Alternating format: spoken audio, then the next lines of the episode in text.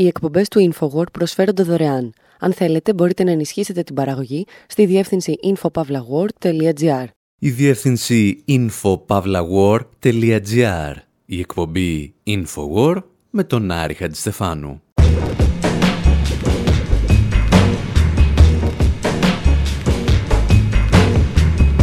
Όπου σήμερα ακονίζουμε το ελβετικό σουγιαδάκι μας και αναρωτιόμαστε τι σχέση μπορεί να έχει ο Μαγκάιβερ με την πανδημία που μας ταλαιπωρεί για τρίτη χρονιά. Σκεφτόμαστε εάν τελικά το Μαγκάιβερ είναι επίθετο ή ρήμα και γιατί οι δεκάδες γιατροί και νοσηλευτές σε όλο τον κόσμο ακολουθούν το παράδειγμα ενός Αμερικανού πράκτορα. Υποπτευόμαστε ότι ο Μαγκάιβερ ήταν φιλελεύθερος δημοκρατικός σε μια χώρα όπου κυβερνούσαν οι Ρεπουμπλικάνοι και ταυτόχρονα ήταν ο τελευταίος αντισοβιετικός όταν όλοι γύρω του μετατρέπονταν σε Ισλαμοφοβικούς. Παρ' όλα αυτά διατηρούσε τον ελάχιστο κοινό παρανομαστή της λογικής και της επιστήμης. Αυτά που έχουμε χάσει σήμερα. We're getting mental with it. We're all MacGyver on it. It's not provisional and hardly temporary. It's the unbroken synapses acting out and talking scary. They better listen up and fast cause now we're mental on it. Grab your keys, grab your hat, grab your coat. Tell your mom you won't be home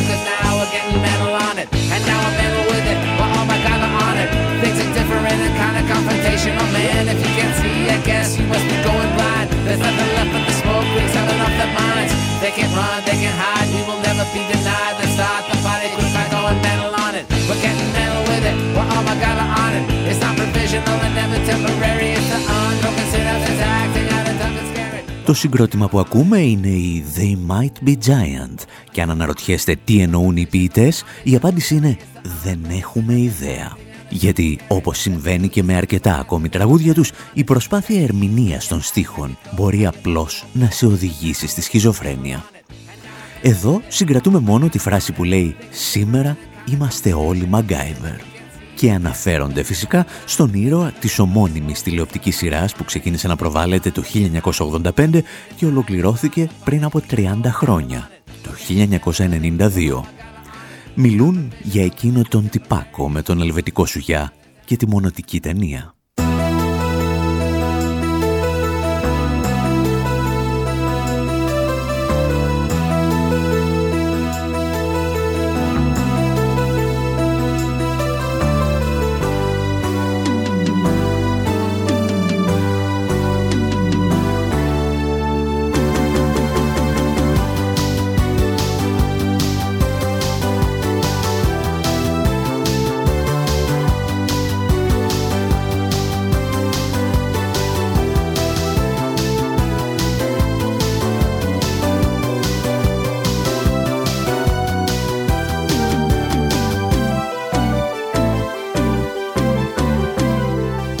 Παράδοξο στη σημερινή μας ιστορία είναι ότι η φράση «Είμαστε όλοι Μαγκάιβερ» ήρθε και πάλι στην επικαιρότητα πριν από δύο χρόνια με την επικράτηση του κορονοϊού σε όλο τον πλανήτη.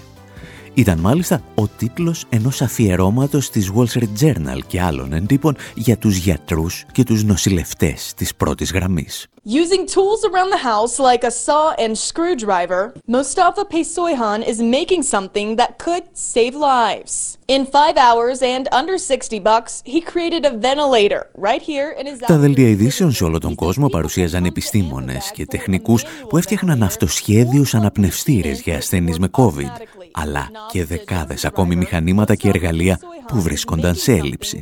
Και όλους αυτούς τους νέους εφευρέτες, τα αγγλοσαξονικά μέσα ενημέρωσης τους αποκαλούσαν Μαγκάιβερ.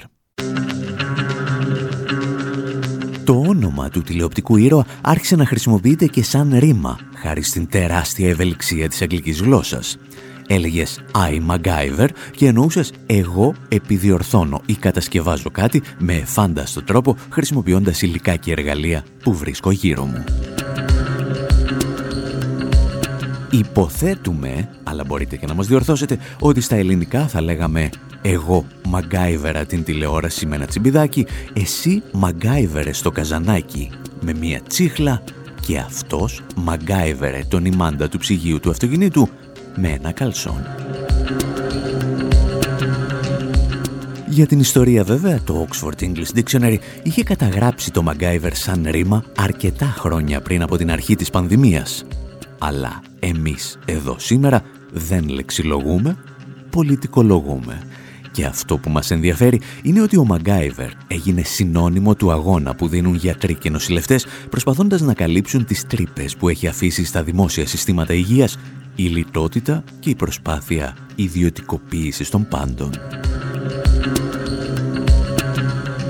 Το ερώτημα όμως είναι, αξίζει στον Μαγκάιβερ αυτή η τεράστια τιμή, να προσφέρει δηλαδή το όνομά του στους ήρωες της εποχής μας; Και για να απαντήσουμε πρέπει να επιστρέψουμε στα μέσα της δεκαετίας του 80, με τη βοήθεια των Million Dead.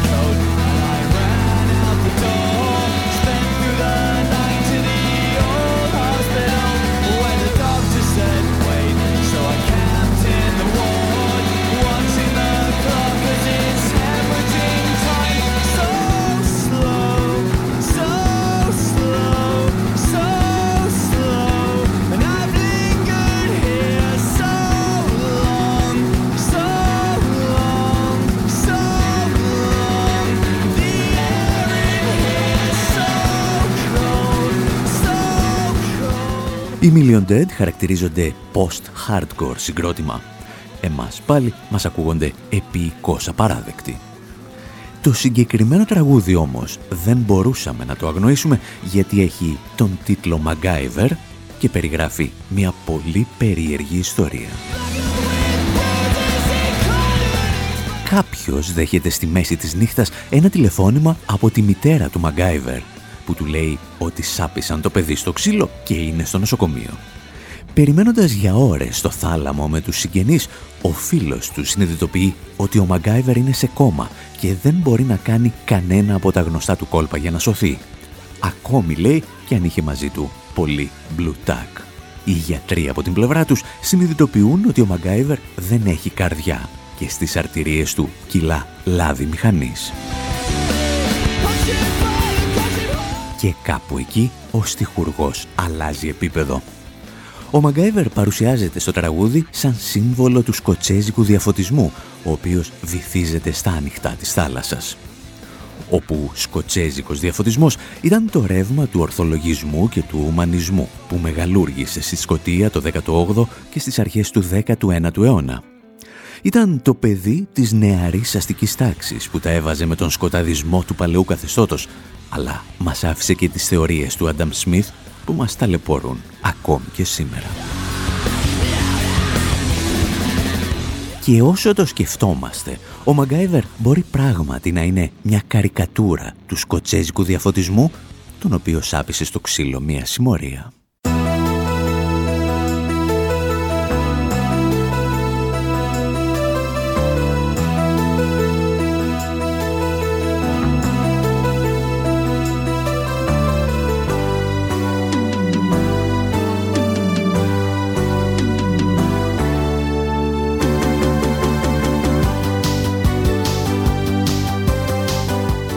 Ο Μαγκάιβερ, αν είστε αρκετά παλιοί, αλλά όχι πάρα πολύ παλιοί για να θυμάστε, ήταν υπεργολάβος πράκτορας. Εργαζόταν για το Ίδρυμα Phoenix, το οποίο παρουσιαζόταν σαν ένα απλό think tank, αλλά στην πραγματικότητα συνεργαζόταν με την Αμερικανική κυβέρνηση. Όπως δηλαδή τόσα και τόσα think tanks. Για τον ίδιο το Μαγκάιβερ γνωρίζουμε ότι είχε πολεμήσει στο Βιετνάμ σε μια ομάδα εξουδετέρωσης εκρηκτικών μηχανισμών, ότι απεχθανόταν τα όπλα, γιατί μάλλον είχε πυροβολήσει ένα παιδικό του φίλο και φοβόταν τα ύψη, το οποίο είναι άσχετο, αλλά τον κάνει λίγο πιο ανθρώπινο.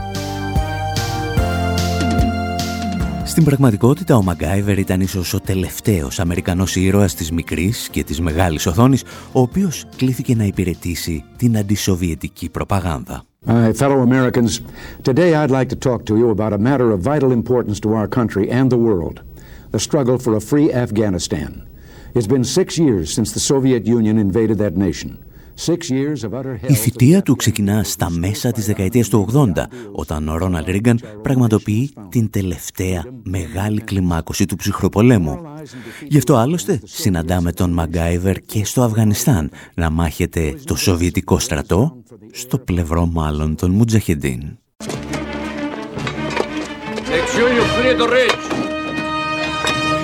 Για ένα περίεργο λόγο, οι Σοβιετικοί στρατιώτες στο συγκεκριμένο επεισόδιο ήταν ντυμένοι σαν νεαμίτες και μιλούσαν μεταξύ τους αγγλικά με βαριά ρωσική προφορά. Αλλά αυτά συνέβαιναν συχνά στις αμερικανικές σειρές της δεκαετίας του 80.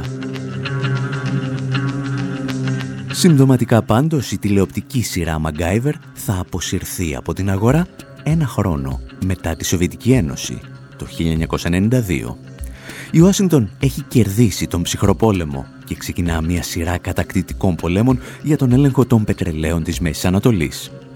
Οι διάδοχοι του Μαγκάιβερ λοιπόν στον κινηματογράφο και την τηλεόραση θα αντιμετωπίζουν πλέον Άραβες και όχι Σοβιετικούς. Και τη θέση του τηλεοπτικού αντικομουνισμού θα πάρει η τηλεοπτική Ισλαμοφοβία. Φυσικά, εάν αντιληφθούμε τον Μαγκάιβερ απλώς σαν ένα εργαλείο του Αμερικανικού ψυχρού πολέμου, δεν θα καταλάβουμε ποτέ γιατί παραμένει ακόμη και σήμερα συνώνυμο της εφευρετικότητας και της λογικής. Θα πρέπει ίσως να σταθούμε περισσότερο στα στοιχεία της προσωπικότητάς του, για τα οποία θα μιλήσουμε ύστερα από αυτό.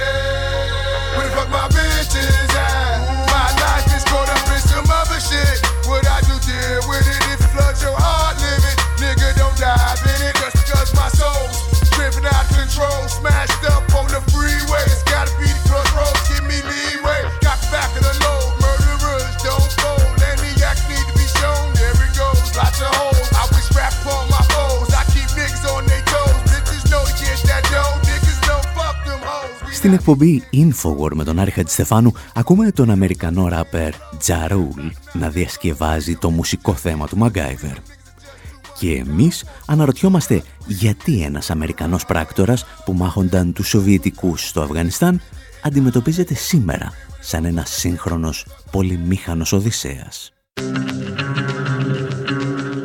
Ο Μαγκάιβερ θα κάνει την εμφάνισή του στην αμερικανική μικρή οθόνη όταν οι περισσότεροι ήρωες της εποχής έλυναν όλα τους τα προβλήματα με ένα περίστροφο ή με τραγελαφικά υψηλές ποσότητες ξύλου και καράτε. Ξύλο και καράτε. Αντίθετα, ο Μαγκάιβερ απεχθάνεται, όπως είπαμε, τα όπλα, όσο και τα ύψη και το δείχνει μέσα και έξω από το στούντιο. Αρκετά χρόνια μετά το τέλος της σειράς, ο πρωταγωνιστής Ρίτσαρντ Ντίν Άντερσον στράφηκε εναντίον του λόμπι της οπλοκατοχής στις Ηνωμένες Πολιτείες. Χαρακτήρισε μάλιστα τα μέλη του χιδαίες προσωπικότητες. Το μόνο του όπλο λοιπόν ήταν ένα σουγιαδάκι του ελβετικού στρατού. Και πριν βιαστείτε να γελάσετε για τις ικανότητες των ελβετικών ενόπλων δυνάμεων, να σας θυμίσουμε ότι το βασικότερο εξαγώγημο προϊόν της χώρας εδώ και αρκετούς αιώνες ήταν η αιμοσταγής ελβετή μισθοφόρη. Αλλά αυτή είναι μια άλλη ιστορία για μια άλλη εκπομπή.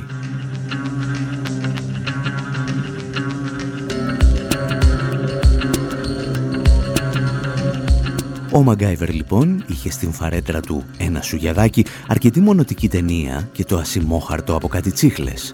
Και στην καλύτερη περίπτωση και κανένα συνδετήρα. Κυρίως όμως διέθετε εξαιρετικές γνώσεις φυσικής και χημείας. Χρησιμοποιούσε δηλαδή στην πράξη τις θεωρητικές ανακαλύψεις από γενιές επιστημόνων. Και με αυτά τα όπλα δεν τα έβαζε μόνο με τους γεωπολιτικούς εχθρούς της Ουάσιγκτον, αλλά και με τις πολυεθνικές της Αμερικής, όταν αυτές κατέστρεφαν το περιβάλλον ή τραμπούκιζαν τοπικές κοινότητες. Εάν προσθέσεις μάλιστα σε όλα αυτά και την τάση του προς την χορτοφαγία, θα μπορούσαμε να πούμε ότι ο Μαγκάιβερ αποτελούσε το πρότυπο του φιλελεύθερου δημοκρατικού στα χρόνια της παντοκρατορίας των Ρεπουμπλικάνων.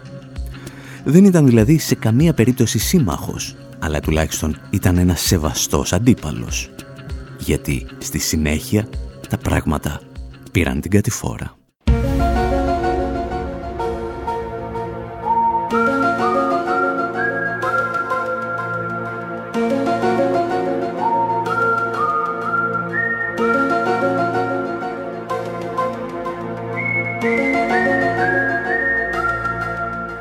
Η αμέσως επόμενη τηλεοπτική δεκαετία από τον Μαγκάιβερ στιγματίστηκε από τα μεταφυσικά X-Files.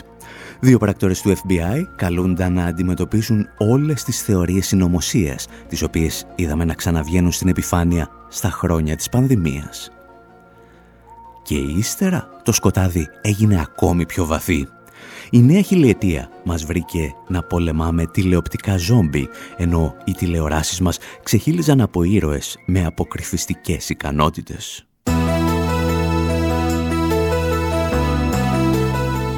Ο Μαγκάιβερ λοιπόν εκπροσωπούσε μια εποχή που αν μη τι άλλο μπορούσες να συνεννοηθείς με τον αντίπαλό σου για κάποιες βασικές σταθερές ότι η γη δεν είναι επίπεδη, ότι τα εμβόλια δεν περιέχουν τσιπάκια, ότι οι πολυεθνικές του φαρμάκου αν θέλουν να κερδοσκοπούν μάλλον δεν έχουν συμφέρον να εξοντώσουν όλους τους κατοίκους του πλανήτη και ούτω καθεξής.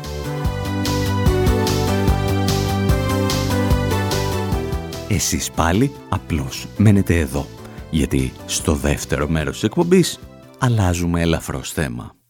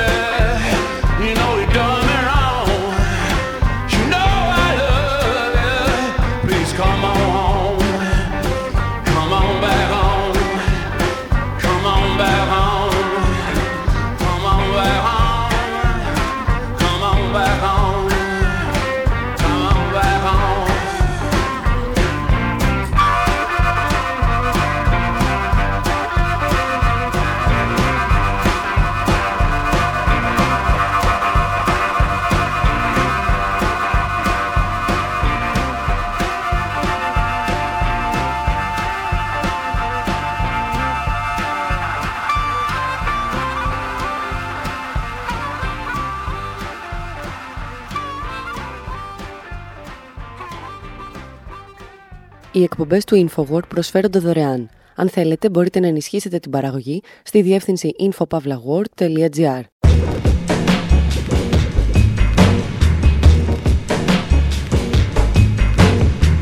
όπου σήμερα επιστρέφουμε στον Sherlock Holmes και μέσω αυτού στις σχέσεις της επιστήμης με τον καπιταλισμό, το αστυνομικό μυθιστόρημα και κάτι τρελαμένους γιατρούς. Αναρωτιόμαστε εάν ένας αποκρυφιστής μπορεί να δημιουργήσει τον πλέον ηλιστή detective της ιστορίας και σκεφτόμαστε τι γνώμη θα είχε γι' αυτό ο μάγος Χουντίνη.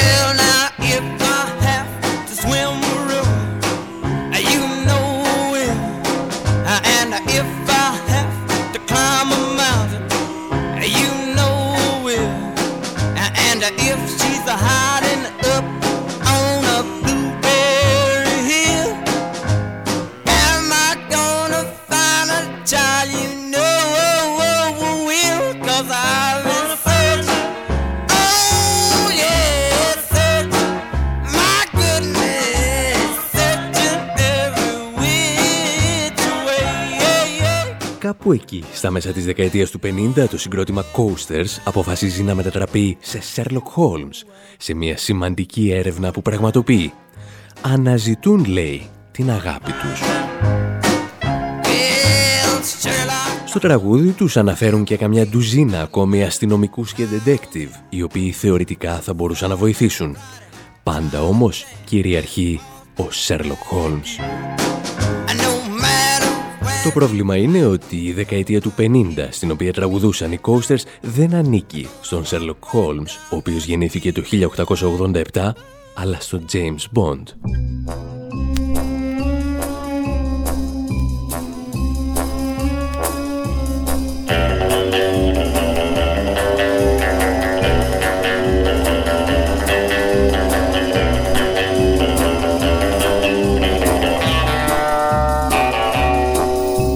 Θυμηθήκαμε αυτές τις ιστορίες όταν διαβάσαμε την πρώτη κριτική της εφημερίδας Guardian για το νέο κύκλο επεισοδίων της τηλεοπτικής σειράς Sherlock, την οποία οι Βρετανοί και όχι μόνο περίμεναν σαν τρελή. Ο Sherlock, έγραψε ο Guardian, μεταμορφώνεται αργά και διεστραμμένα σε ένα νέο James Bond, και αυτό που ήθελε να πει ο συντάκτης είναι ότι ο ευφιέστερος detective της ιστορίας εγκαταλείπει σταδιακά τη δύναμη του μυαλού του και στηρίζεται όλο και συχνότερα στη μυϊκή του δύναμη και τη δύναμη των όπλων.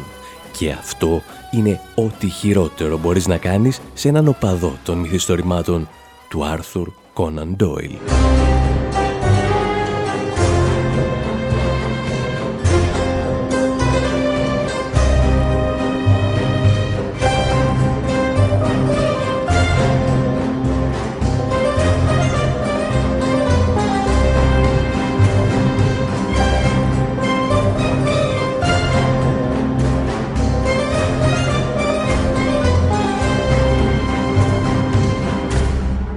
Η αλήθεια είναι ότι το συγκεκριμένο επεισόδιο απογοήτευσε πολλούς θαυμαστές της σειράς.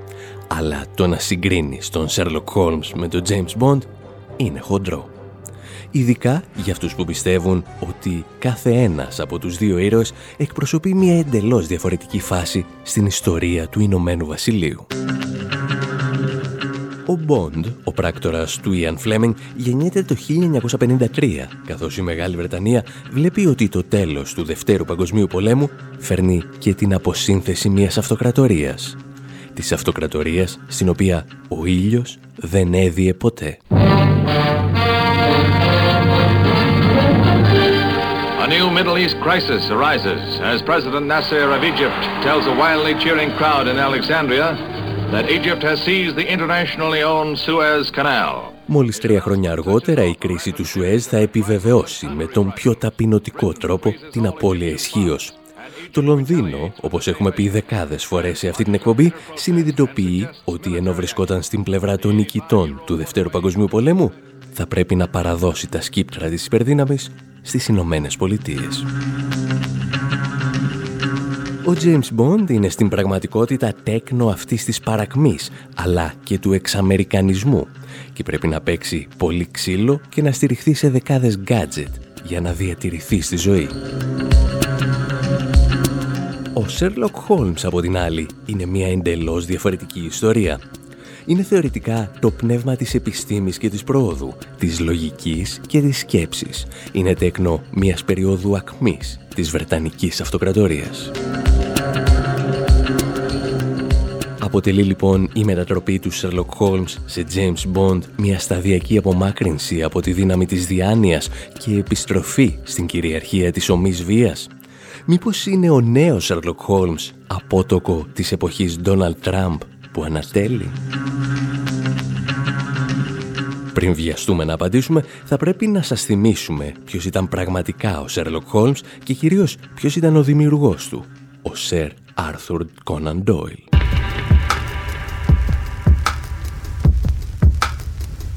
Η αλήθεια είναι ότι ο Σέρλοκ Χόλμς γεννήθηκε και εκπροσώπησε μια άλλη εποχή.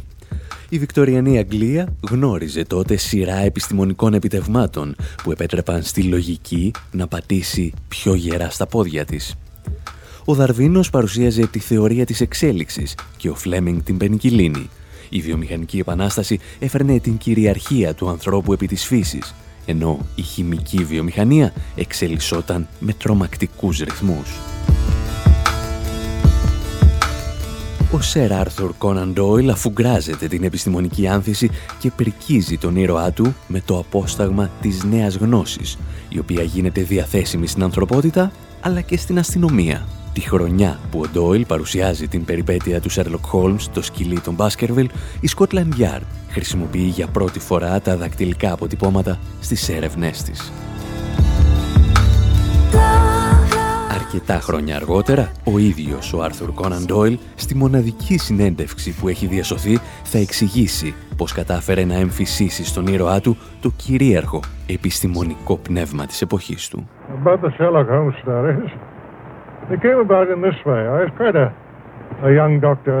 Οι ιστορίες του Sherlock Holmes προέκυψαν ως εξής. Ήμουν κι εγώ ένας νεαρός γιατρός με επιστημονική κατάρτιση. Διάβαζα συχνά ιστορίες με detective και πάντα εκνευριζόμουν από το γεγονός ότι έλυναν τις υποθέσεις είτε από καθαρή τύχη είτε χωρίς να εξηγούν πώς τα κατάφεραν. Θέλησα λοιπόν να φέρω την επιστήμη στο χώρο της αστυνομικής έρευνας.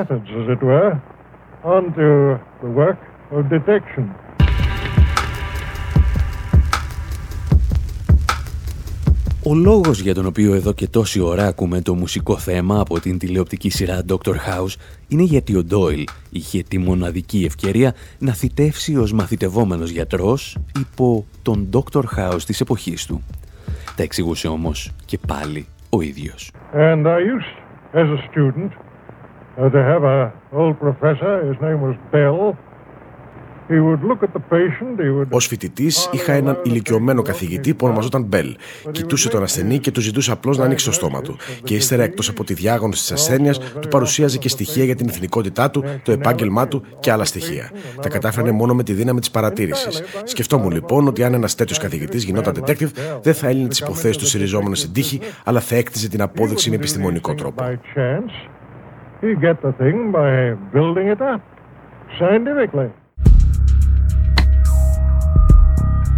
Μήπως λοιπόν όλες αυτές οι ιστορίες περί επανάστασης των επιστημών κάνουν τον Σέρλοκ Χόλμς κομιστή της προόδου και σε κοινωνικό επίπεδο; Η απάντηση είναι κάθε άλλο. Ο Σέρλοκ Χόλμς αντικατοπτρίζει τα νέα μεσαία και ανώτερα στρώματα της καπιταλιστικής Αγγλίας που ζούσαν υπό τη συνεχή απειλή ότι οι μάζες των φτωχών που εργάζονταν υπό απάνθρωπες συνθήκες σε εργοστάσια ίσως μια μέρα να ξυπνήσουν και να τους πνίξουν. Ο απόμακρος και σνόμπ Sherlock Holmes συγκινεί αυτά τα στρώματα γιατί δείχνει τη διαχωριστική γραμμή ανάμεσα στις κοινωνικές τάξεις. Για την ιστορία, ο Άρθουρ Κόναν Ντόιλ είναι από τους πρώτους συγγραφείς αστυνομικών μυθιστορημάτων που δημιουργεί το μύθο του επικίνδυνου Μπάτλερ, το υπηρετικό προσωπικό που απειλεί την ευημερία και την ασφάλεια των αφεντικών του. Λίγα χρόνια αργότερα μάλιστα από αυτές τις περιγραφές του Ντόιλ θα δημιουργηθεί και η περίφημη βρετανική φράση «The butler did it». Ο υπηρέτης το έκανε. Τη στιγμή που ο Ντίκενς έπαιρνε το μέρος του προλεταριάτου και περιέγραφε τις άθλιες συνθήκες εργασίας της βιομηχανικής επανάστασης, ο Σερ Άρθουρ Κόναν Ντόιλ τασόταν αναφανδόν με τα αφεντικά. Για να καταλάβουμε όμως καλύτερα τι καθήκη ήταν ο Ντόιλ, θα μας επιτρέψετε να σας ταξιδέψουμε μερικούς αιώνες πίσω.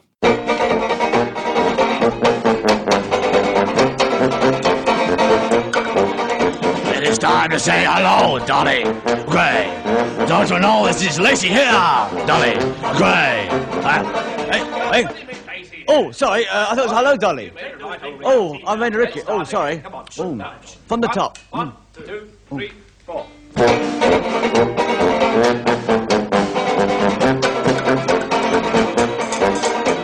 It is time to say goodbye, Dolly Gray. There's no need to ask me why, Dolly Gray. There's a murmur in the air. During this record, Professor Bruce Lacey will be doing such capital things as sword swallowing, fire eating, and juggling. Unfortunately for you, dear listener, all these accomplishments are silent. Marching feet in a uniform so neat. So it's goodbye until we meet, Dolly Gray. Goodbye, Dolly, I must leave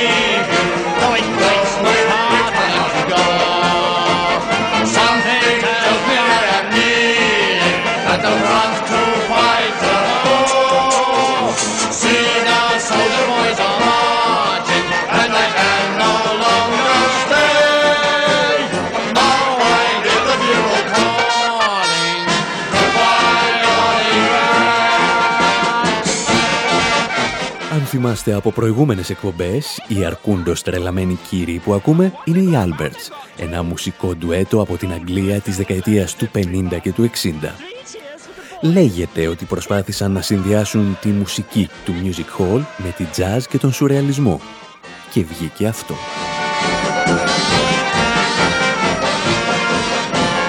Ένεκα μάλιστα που τα δύο μέλη του συγκροτήματος ήταν αδέλφια και ονομάζονταν Gray, σκέφτηκαν να διασκευάσουν και το γνωστό Goodbye Dolly Gray, που να σας θυμίσουμε ότι στην πραγματικότητα ακουγόταν κάπως έτσι.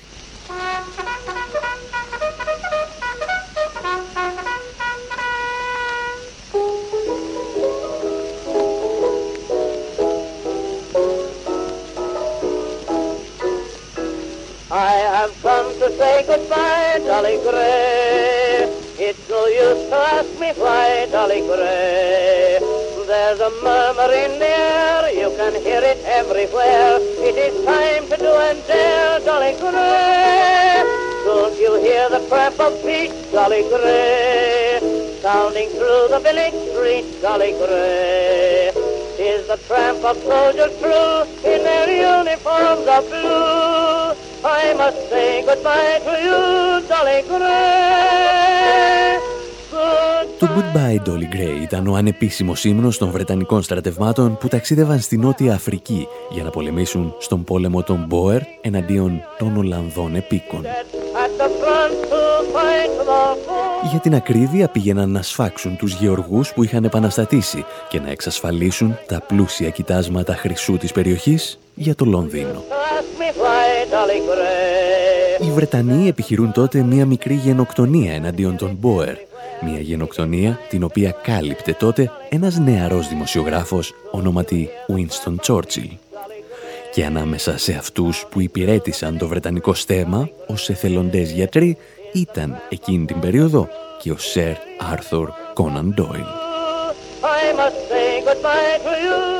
Για την ιστορία να σας θυμίσουμε ότι ο πόλεμος των Μπόερ θα προσφέρει στην ανθρωπότητα και τα πρώτα στρατόπεδα συγκέντρωσης, τα οποία θα χρησιμοποιήσει μερικές δεκαετίες αργότερα και ο Αδόλφος Χίτλερ, με εξαιρετική επιτυχία για την γερμανική οικονομία. Για να είμαστε βέβαια δίκαιοι, μπορεί ο δημιουργός του Sherlock Holmes να στήριζε τις σφαγές στον πόλεμο των Μπόερ, είχε καταδικάσει όμως την κατά πολύ μεγαλύτερη γενοκτονία στο Κονγκό. Ενδεχομένως γιατί την πρώτη την πραγματοποιούσε η χώρα του, ενώ τη δεύτερη το Βέλγιο. Dear Dolly Gray, don't you hear the Το μεγαλύτερο πάντως πρόβλημα του Άρθουρ Κόναν Ντόιλ ήταν ότι στην πραγματικότητα δεν πίστεψε ποτέ στην επανάσταση της επιστήμης που περιέγραφε στα βιβλία του. Ήταν ένας ηλίθιος μυστικιστής, όπως θα δούμε εντός ολίγου.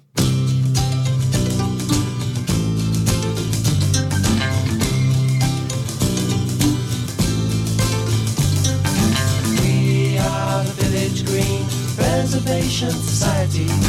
God save Donald Duck, Vaudeville and variety. We are the Desperate Dan Appreciation Society. God save Strawberry Jam and all the different varieties. Serving the old ways from being abused. Protecting the new ways for me and for you. What more can Preservation Society. God save Mrs. Moss and good old Mother Riley. We are the Custard Pie Appreciation Consortium. God save the George Cross and all those who will love him. Οι Βρετανοί Kings τραγουδούν και πάλι για τον Sherlock Holmes, εκφράζοντας τη νοσταλγία τους για την παλαιά Αγγλία πριν από τη βιομηχανική επανάσταση. Και εμείς έχουμε λόγους να πιστεύουμε ότι αυτή την οπισθοδρομική Αγγλία ονειρευόταν κατά βάθος και ο Sir Arthur Conan Doyle, ο δημιουργός του Sherlock Holmes. Persecution affinity.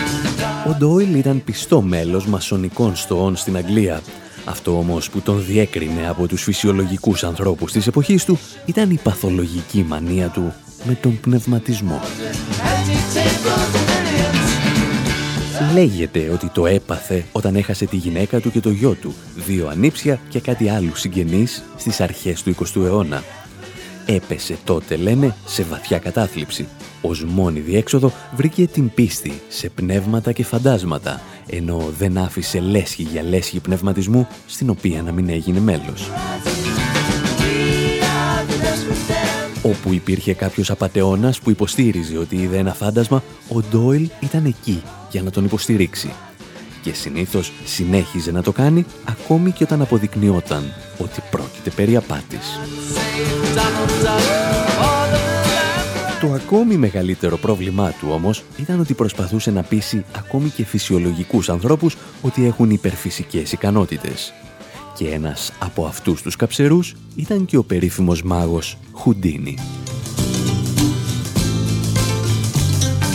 We are the Village Green Preservation Society. God Ως επαγγελματίας διασκεδαστής, ο Χάρι Χουντίνι γνώριζε από πρώτο χέρι ότι δεν υπάρχει μαγεία. Η τέχνη του στηριζόταν σε οπτικές απάτες και έξυπνα τρίκ που παραπλανούσαν τις αισθήσεις των θεατών του. Όσες φορές και αν το εξήγησε όμως στον Ντόιλ, αυτός επέμενε ότι κατά βάθος διέθετε πραγματικά μαγικές ικανότητες και απλώς δεν το καταλάβανε. Λέγεται ότι ο Χουντίνι άρχισε να εξηγεί στον δημιουργό του Sherlock Holmes ένα προς ένα τα τρίκ που χρησιμοποιούσε. Ακόμη και έτσι όμως δεν κατάφερε ποτέ να τον πείσει ότι δεν ήταν μάγος. Οπότε και προτίμησε να διακόψει κάθε επαφή μαζί του. Ο Άρθουρ Κόναν Ντόιλ είχε δημιουργήσει στα κείμενά του τον απόλυτο ήρωα που στηριζόταν αποκλειστικά στη λογική και την επιστήμη. Δύο έννοιες όμως, στις οποίες ο ίδιος δεν φαίνεται να πίστεψε ποτέ. Η Βικτωριανή Αγγλία ήταν το κομβικό εκείνο σημείο όπου η επιστήμη υποσχόταν να απελευθερώσει τον άνθρωπο. Οι κυρίαρχες τάξεις όμως που στηρίχθηκαν και απελευθέρωσαν τις δυνάμεις της επιστήμης ένιωθαν και τον κίνδυνο να χάσουν τα προνόμια τους. Οι εκμεταλλευτές φοβόντουσαν τους εκμεταλλευόμενους και επιχειρούσαν να γατζωθούν και στο σκοτεινό παρελθόν τους. Και ο Άρθουρ Κόναν Ντόιλ ήρθε να εκφράσει αυτόν ακριβώς το διχασμό ανάμεσα στο φως και το απόλυτο σκοτάδι του του κυρίαρχου τότε και τώρα οικονομικού συστήματος.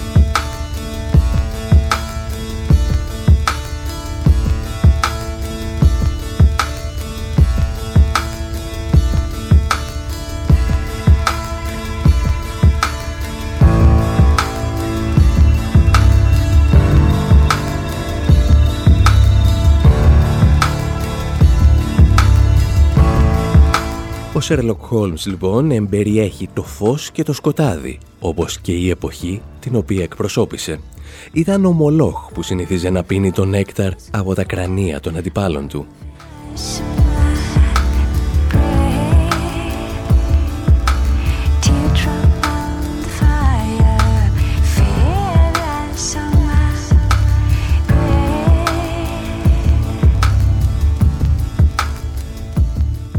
Κάπου εδώ όμως και εμείς λέμε να σας αφήσουμε και για αυτή την εβδομάδα. Να μας αναζητάτε πάντα στη διεύθυνση info.pavlawar.gr Μέχρι την επόμενη εβδομάδα, από τον Άρη Χατζηστεφάνου στο μικρόφωνο και τον Δημήτρη Σαδόπουλο στην τεχνική επιμέλεια, γεια σας και χαρά σας.